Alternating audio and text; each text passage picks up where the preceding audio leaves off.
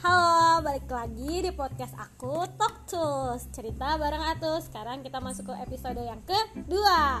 Sekarang aku lagi bersama dengan gak tahu siapa. Pokoknya orang antah beranta Cina merak. Rasis. Rasis. Wah kebayang bos. Nah sekarang aku lagi sama Bang Ipa Kita di sini mau ngomongin tentang hari ini. Hari ini sesuai dengan judul podcast aku yang episode kedua yaitu hari ini. Jadi kita mau ngomongin apa Bang Ipa? Aku tidak tahu. ngomongin aktivitas keseharian kali ya yang hari ini kan iya hari ini. Ada apakah dengan tanggal 16 Maret 2020? 14 hari Banten Apa? dinyatakan dinyatakan bebas narkoba eh, apa sih bebas corona eh enggak sih apa namanya Darurat kok. darurat ya KLB apa kejadian luar biasa Oh kejadian luar biasa. Banyak sekolah diliburin, kampus-kampus diliburin. semua kali ya SD Iya, iya kan sekolah. Eh, eh, kan tadi katanya SM, SMA, SMK doang. Sekarang jadinya SD, SMP, SMA, SMK, TK, kuliah semuanya pada diliburin. serius nih kita serius Nah. tapi gue gue tadi nyikapin masalah kenapa kenapa informasi yang disampaikan oleh Pak Wahidin Halim itu pertama untuk SMA dan SMK dulu ya. Hmm. liburnya. Terus ada beberapa eh, komenan ada beberapa eh, postingan-postingan. Kok SD SMP enggak gitu? Karena sebenarnya kalau misalkan harus kita rutuk dari sebuah apa ya sebuah sebuah birokrasi akhirnya SD SMP itu dikembalikan kepada kabupaten kota masing-masing. Nah SMA itu dipegang sama provinsi. Iya, emang kalau SMK kan di, Nah, itunya akhirnya makanya- dinas pendidikan provinsi. itu sih jadi pelajaran. Iya itu jadi pelajaran banget orang Indonesia kan dikit-dikit komen dikit Iya. komen tanpa dia tahu nih kenapa kalau menurut gue ya kalau tahu sih Pak Wahidin sama Pak Andika mikirnya gimana tapi yang jelas kenapa Pak Wahidin dan Pak Andika ini menstatementkan untuk lewat poster ya gue liat ya Iya. tem- template-template itu Oh iya. SMA Iya, SMK heeh. terus akhirnya banyak yang komen-komen "Kok SD SMP enggak karena memang eh, otoritas untuk Itunya berbeda. kewenangannya berbeda Hmm, provinsi memiliki otoritas SMA, SMA dan SMK aku OSIS juga, aku Yoi. juga kan OSIS juga makanya itunya pertemuan juga kan di gedung dinas pendidikan di Jawa Barat kan yang di Rajiman. Nah tapi ada satu hal lagi yang gue sikapin kenapa sih akhirnya kalau teman-teman perguruan tinggi negeri atau baik swasta ya Hmm.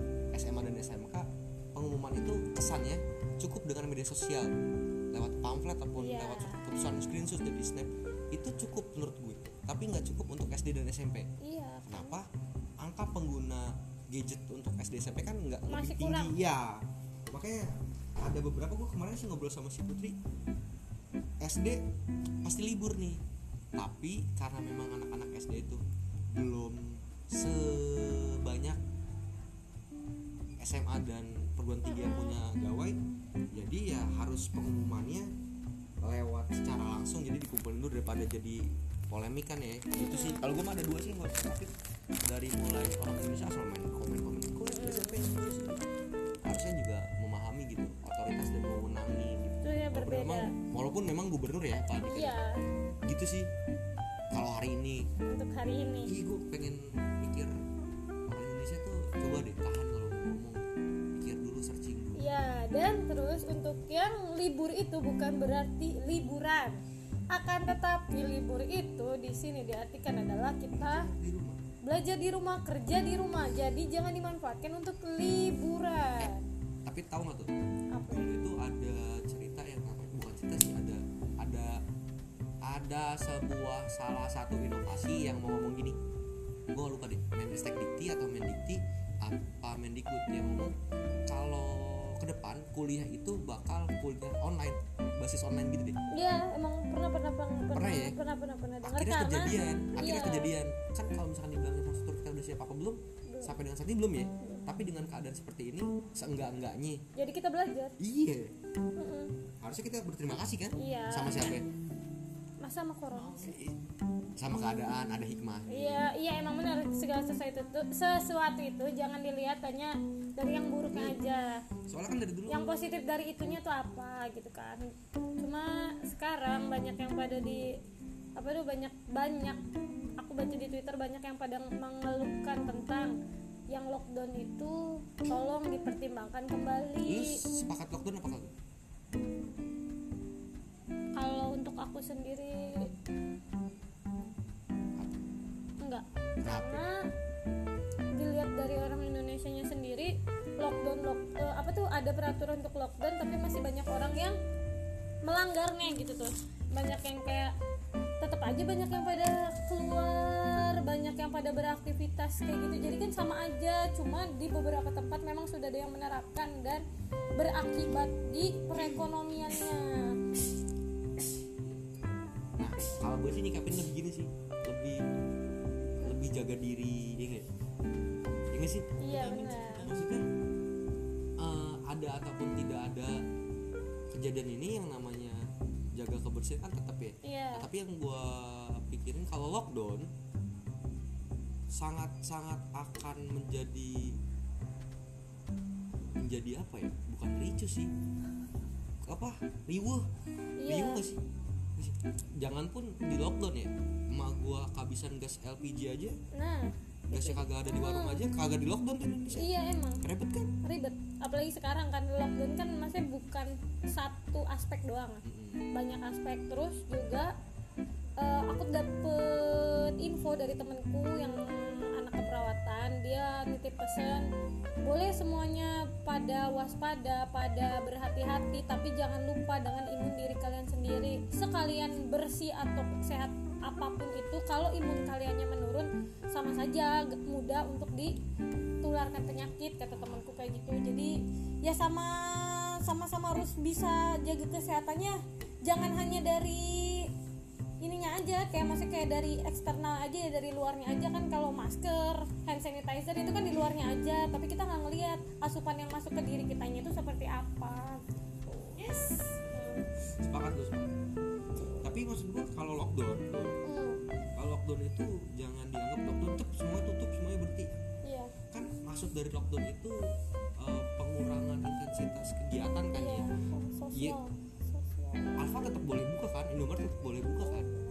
Cuman aktivitas kitanya gitu. Iya. Sebenarnya yang gue takutin tuh orang Indonesia nah kayak tadi nih kenapa cuman S- eh, SMK sama SMA doang libur? SD Hmm. SMP enggak? Nah orang Indonesia harus tahu dulu nih lockdown tuh apa? Iya. Fungsi lockdown tuh apa?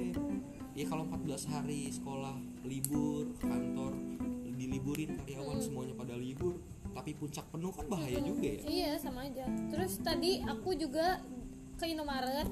Ternyata di Indomaret itu sudah menerapkan yang pas di kasir itu mungkin kan kita ada ini nih apa namanya kita melakukan transaksi ya. Di situ tuh dia disediain tisu basah. Bukan hand sanitizer tapi tisu basah ternyata dan aku baru nyadar di situnya ada ada di pas kita bayar itu di kasirnya ada tisu basah itu ternyata oh dia dikira aku kan itu kan untuk eh, orang orang beli tapi nggak jadi. Ternyata ini untuk kita. Dibukain emang ya? U- jadi kan itu kan tutup posisinya. Kalau dibuka kan nanti itu.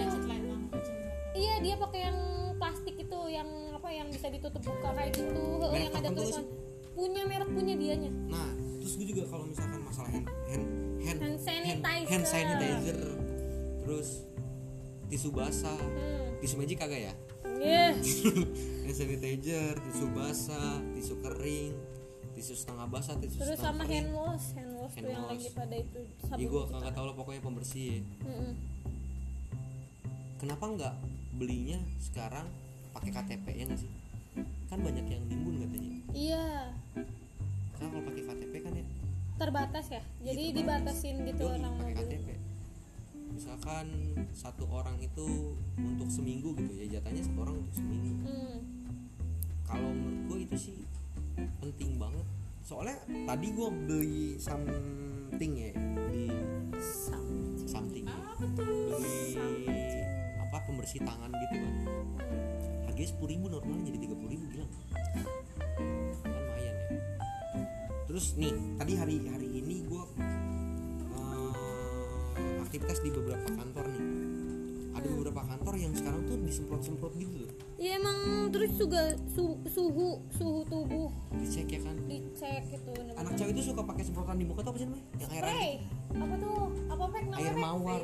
Iya face face mist mist itu kan alhamdulillah tuh kalau cewek-cewek yang habis makeup tuh masih pakai itu express di di iya di kali kosan kan?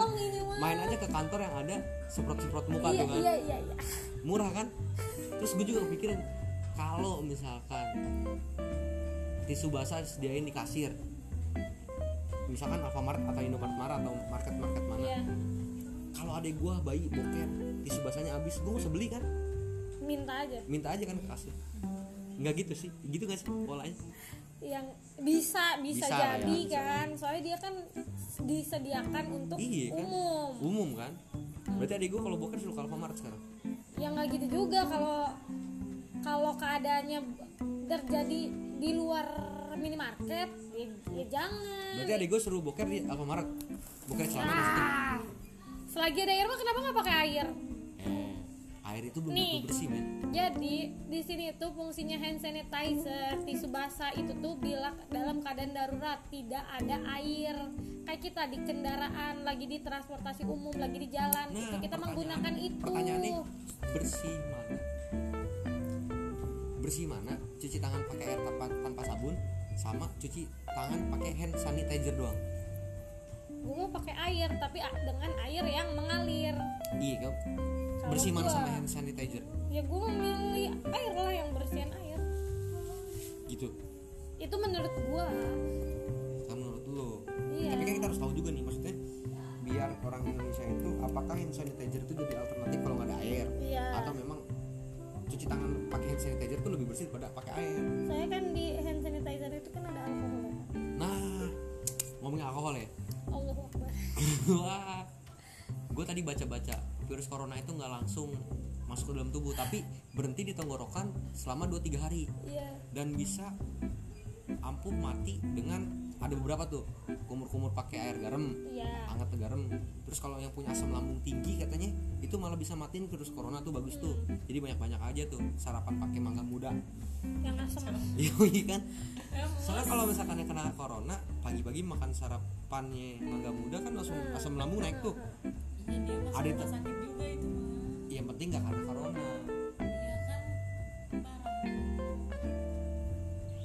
bagus kan tapi kan? Itu dua dua ya dua ya.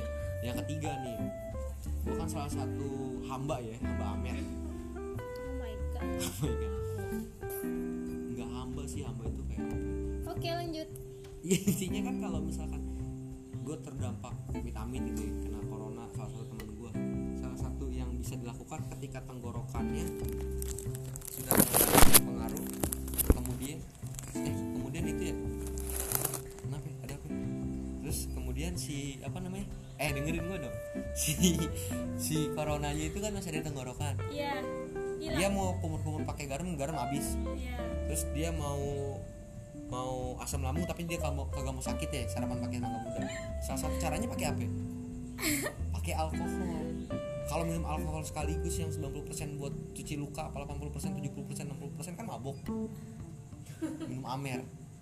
Kan ada kandungan alkoholnya menurut lu gimana Tidak mengedukasi sekali. gimana? Gimana?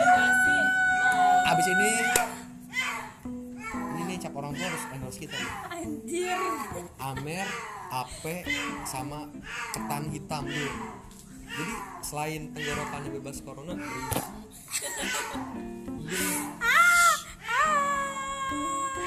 Nah nih salah satu kucing kena corona gini. Dia harus kita cekokin Amer nih minimal Tapi ini di atas 18% ya? Eh di atas 18% 18 plus plus. Oh 18% ah balik lagi ke topik guys. Jadi emang kita juga posisinya kan jadi anak kosan. Kita juga bingung karena kuliah diliburin bukannya mempermudah tapi malah mempersulit oke?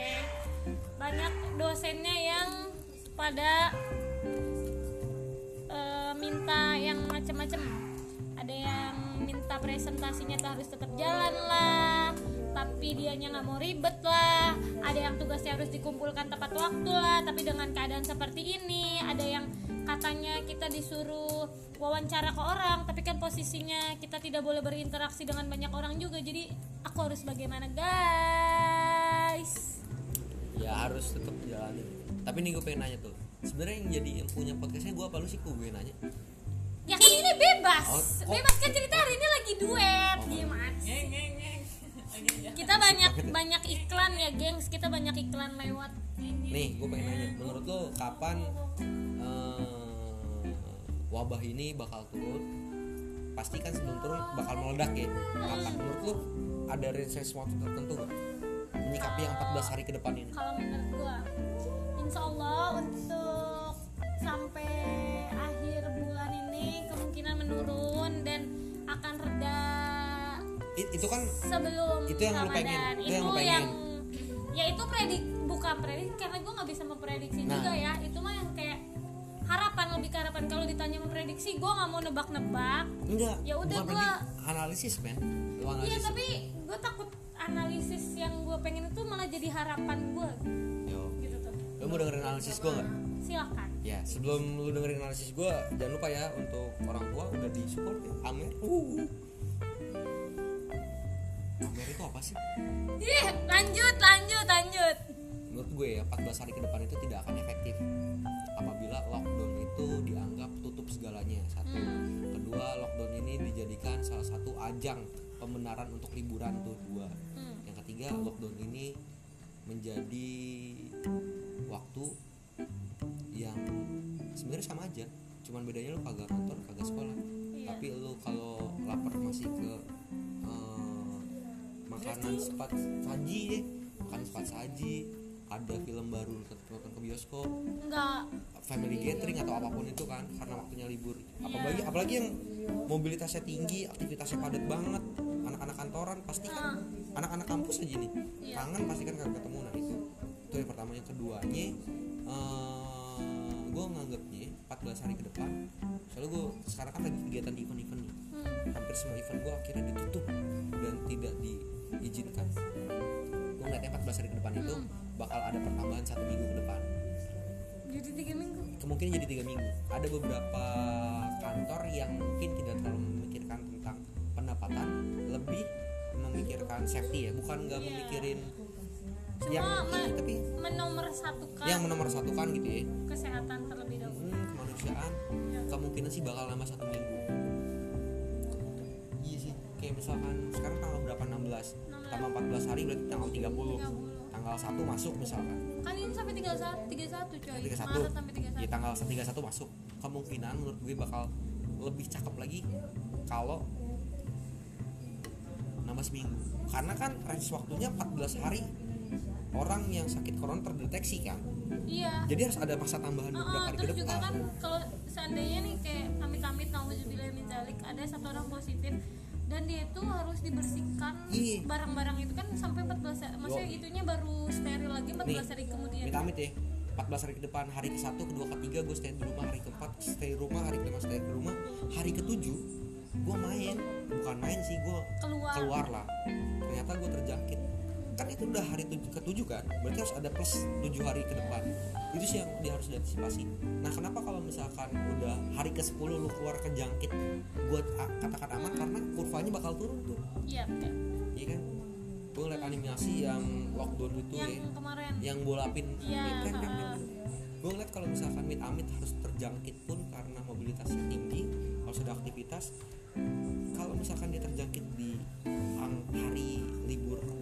hari disuruh istirahat ke belasan Ah, kemungkinan selamatnya tinggi karena memang angka untuk terlayani di rumah sakit kemungkinan udah cukup besar. Iya. beda kalau misalkan kita wah banyak banget ya. Kan karena ini sentuhan ya. Orang Indonesia itu adat ketimuran tinggi banget. Gue sama teman gue sama orang kantor sama sama rekan sama klien kayak kurang asik aja kalau nggak salaman iya tanpa gue tahu kan dia sebenarnya kenapa Iya. kagak nah itu sih poinnya sekarang kan banyak nih maksudnya kayak dari pejabat dari kepala daerah gitu banyak yang pada mensosialisasikan eh, cara. Sapa menyapa yang baik tanpa tapi lo tau salam Pancasila nggak? Hah? salam Pancasila. Nggak gua nggak tahu salam Pancasila yang gini tuh. Salam Pancasila. Oh kayak gitu? Iya. Aku itu akhirnya ada satu hikmahnya sih. Setelah dinyinyir nyinyirin beberapa netizen ya. Gue bukan kesampaikan gue muslim. Maksudnya kalau assalamualaikum laki sama laki pasti jabatan tangan. Iya. Ataupun beberapa yang lebih akrab lagi. Kalau cewek sama cowok kan cara keyakinan kita kan nggak mungkin untuk bersalaman. Bukan nggak mungkin tidak diperkenalkan untuk salaman karena memang kita dengan keyakinan kita seperti itu. Tapi kalau misalkan gue sama laki-laki gue tetap assalamualaikum tapi tambahin salam pancasila. Assalamualaikum salam pancasila. Jadi tangan itu tetap ada gerak. Ini sih. Iya. Kan nggak? cuma sekarang kan banyak yang pada gitu ya pakai ini kan dari apa namanya? Ini apa namanya? Siku. Gitu. siku iya kan? Siku ketemu siku terus sama yang salam kayak salam salam Sunda? Iya salam Sunda. Salam siku tuh gimana? Coba. Salam siku tuh gini.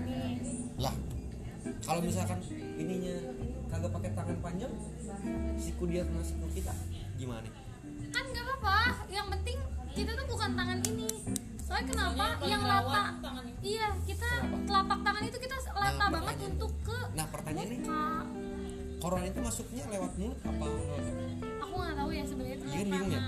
sekarang kalau misalkan gini nih ya kan ayo sa- salam kayak pagi bro gitu. Iya. Terus ini gue nih ini gue gue gini tangan gue ya kan biasa kan ambil ngelamun gini kan ya. megang siku sebelahnya satunya ke dagu. Terus tangan satu lagi kan kena nih misalkan terus gue nya sambil rambut tuh anak laki kalau rambutnya gue terus kayak gini gini gini gini gini gini. kan makanya sekarang sering-sering mencuci tangan itu yang yang harus yang dianjurkan itu sering-seringlah mencuci tangan. Karena kenapa? Ya kita nggak tahu aktivitas kita habis ngapain. Kita pegang handphone aja kan itu di handphone banyak kumannya dong. Lah makanya otomatis kenapa banyak yang pada nyaranin untuk eh, ini tadi tuh ada lagi yang eh, itu baru. Jadi buat ngebersihin ada ramuan baru untuk membersihkan kayak kita kan sering megang handphone nih yang up benda yang kita pegang tapi bukan untuk di tubuh kita. Jadi itu tuh buat ngebersihin kayak kita bekas handphone gitu kita bersihin di belakang handphonenya gitu. Jadi pas kita pegang tuh kumannya nggak ada nggak ada kumannya kayak gitu. Apa aku lupa ya pakai bahannya kalau nggak salah pakai baik clean sama dicampur apa gitu ada ada itunya. Jadi untuk kayak kita pintu pintu ini kan kita itunya hand- handle-nya kan kita besi nah kita bersihin pakai itu kayak gitu sip banget sih tentang corona hari ini.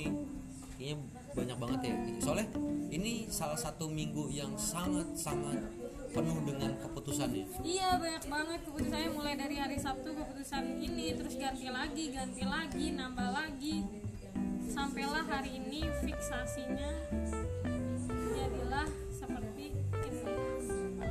Tapi akhirnya dunia pendidikan belajar banyak sih ada hikmahnya. Iya, iya. Belajar banyak dari kejadian seperti ini. Ya mudah-mudahan kan eh, kegiatan pembelajaran berbasis daring ini bisa lebih dikembangkan bukan karena keterpaksaan gitu kan. Iya. Karena kampus online itu sebenarnya udah mulai dicanangkan. Dari lama.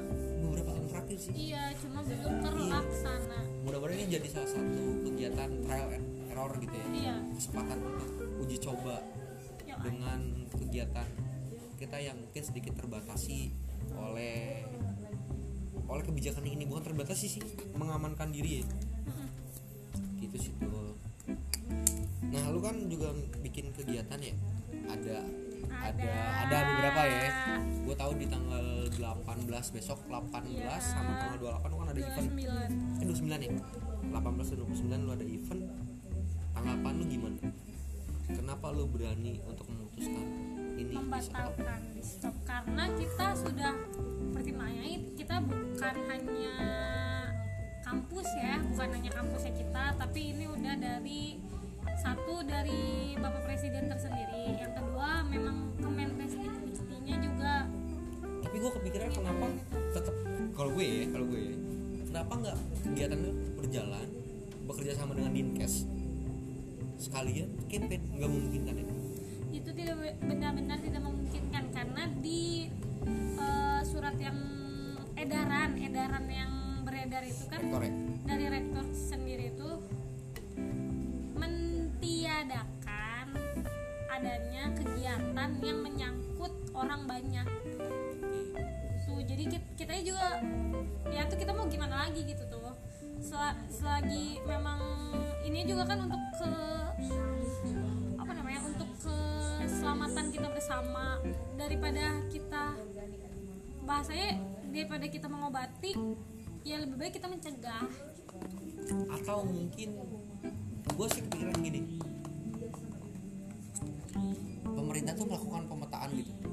Ini gue nggak tahu ya. Iya. kayaknya pasti pemerintah udah mikir jauh lebih iya dibanding lebih gue ya. dibanding kita gitu. tapi gue takutnya pemerintah belum belum memikirkan atau terlewat terpikirkan gue sih punya salah satu terobosan alternatifnya adalah menurut gue ya, kalau misalkan pemetaannya sudah uh, sudah sudah oke di seluruh Indonesia kita petakan yang yang zona merah kuning hijau. Hmm. zona merah itu bener-bener di lock. Di lock full di lock asupan sembako segala macam di di drop di salah satu katakanlah kelurahan atau iya. diambil oleh atau diantarkan saja. Kan kita punya budget tersendiri untuk sembako dan lain sebagainya kan. Hmm. Itu aja sih kata gue misalkan zona merah ini yang memang benar-benar kalau bahasanya lockdown yang secara umum dipahami ya lockdown mati semua misalkan. Tidak ada kegiatan apa pun. Misalkan ya Iya. orang mengambil seperti itu. Kenapa nggak zona-zona tertentu aja? Benar-benar di lockdown weh. Bro Iya 14 jadi kayak ah, jadi benar-benar fokus ke satu tempat, selesaikan di situ. iya. Baru secara lebih luas lagi. gitu. Ya barangkali nanti podcast ini itu didengar ya eh, pokok- podcast ini ke up terus ada yang mendengarkan dan oh ternyata boleh dicoba. Why not? terserah ya yang penting Iya. loyalty buat kita 20% ya Hehehe. ya kan lu suka di PHD-in aja ya Yeay. sponsor banyak banget yang disebut Sponsor. Semoga banyak iklan ya guys. Amin. nah gue ngomong bicara kerugian Kerugian. iya Ini podcast kita lama nggak apa-apa ya, jangan bosan untuk mendengarkan. kerugian menurut lu sebesar apa kerugian kalau misalkan benar-benar kita lockdown gede banget ya Gede banget pasti. Pasti udah berapa menit banyak. 27 menit ya Eh, kita tiga menit lagi. 3 menit lagi ya nah pesan-pesan lu buat rakyat Indonesia selaku menteri pendidikan Anjir. Yang Bahasanya berat banget. Emang. Yoi. untuk seluruh warga dunia warga planet bumi. Yang mengerti bahasa saya. iya. Mari kita bersatu, jangan saling menjatuhkan. Dan apa lu lagi pilpres? Enggak bener kan memang ada masalahnya. Ininya apa namanya? Ini tuh bukan kejadian yang gara-gara satu orang gitu tuh Iya. Terus yang mengalaminya semuanya gara-gara gitu. satu negara sih nah pokoknya kita jangan lupa sih, kita harus eh, cintai diri kita. Karena kenapa aku bilang kita harus cintai diri kita? Ya karena semuanya dimulai dari diri kita sendiri gitu. Satu kita harus bisa jaga kebersihan. Yang kedua jaga diri kita tolonglah gitu. Kita harus pikirnya luas. Ini libur bukan libur untuk liburan tapi untuk mengistirahatkan diri dan bekerja ataupun belajar di rumah. Jadi jangan pergi-pergian gitu. Kalau lu sakit lu nularin orang lain makin banyak yang sakit. Bukannya makin banyak yang sembuh. Oke guys. Oke oke. Gua ngasih kesan-pesan boleh boleh. Karena ini podcast gue tapi isinya bang Ipal sama kagak enggak lah nggak apa-apa. Nanti gua mau bikin podcast juga. Nggak boleh. Boleh. Boleh. Takut kalah. Iya boleh ceritain gue sih pengen cuman satu. Akhirnya dari wabah ini banyak hikmah coba kita ngambil I- sisi perspektif yang baiknya iya positifnya itu seperti apa? Kayak satu tadi dalam dunia pendidikan kita belajar something yang memang beberapa tempat belum cukup pernah nyoba ya. Iya. Kampus-kampus juga belum banyak yang nyoba sih menurut gua. Tapi nggak tahu kampus yang lain. Terus SD SMP SMA Hmm, netizen juga harus lebih ngaca lagi lah iya. dilihat dulu Tapi- apa dicari kebenarannya apa? Tapi ada satu satu sisi yang kayak dua mata uang gitu tuh. A- kayak kayak dua mata uang gimana ya? Karena wabah ini kita lupa antar peperangan kita di masa pemilu pilpres masa segala iya kan? Kita lupa ya bagus ya. Tapi bagus bagus. tapi bahayanya ya tahu ada undang-undang omnibus law dan segala macam yang akhirnya juga kita lupa bukan Iya. kita lupakan karena terlupakan. iya terlupakan. Karena Itu bahaya nggak sih? kemarin bahaya banget sih soalnya tetap harus kritis kan ya? iya jadi satu ada satu kejadian luar biasa ini sampai melupakan kejadian sebelumnya yang itu benar-benar sampai banyak yang unjuk rasa juga kan. Pokoknya hamin Sekarang- hamin dua kemarin. Iya sekarang juga ada yang di mana ya pokoknya sampai bilang eh, omnibus itu lebih berbahaya dibandingkan corona let's say si ya mungkin omnibus slow ya? Iya let's say sih itu juga salah satu yang memang harus kita perhatikan gitu ya. Apalagi lu nih mahasiswi dan mahasiswa we. tapi kan akhirnya kita ambil sisi baiknya mungkin teman-teman yang bergerak di bidang aktivis ataupun apa pun itu nyebutnya gue sih pengennya ya boleh kritis kita tetap harus kritis dengan catatan-catatan tertentu bagaimana kalau kita campaign pakai media sosial Iya. dengan cara-cara yang baik pergunakanlah media sosialmu sebaik-baiknya guys Oke. eh tapi tiga hari ke depan gue tahu bakal ada kejadian apa apa di Instagram bukan bakal tahu sih gue akan memprediksi tiga hari ke depan akan banyak campaign-campaign lawan corona pasti itu pasti ada Bentar lagi kita bikin ya? Cuma, eh, aku nggak tahu sih siapa yang akan memulainya Gua sih. Abis ini gua mau bikin. silakan silakan tapi bukan lawan corona corona Eh, corona bos corona bos oke eh, cukup dicukupkan ya untuk podcast hari ini eh gue mau bikin podcast juga nanti pada Enggak, nggak boleh, nggak boleh ini hanya podcast podcast Pod- aku. Oke, podcast. nanti nanti kita berjumpa lagi di podcast aku di episode selanjutnya. Dadah, see you. Nah.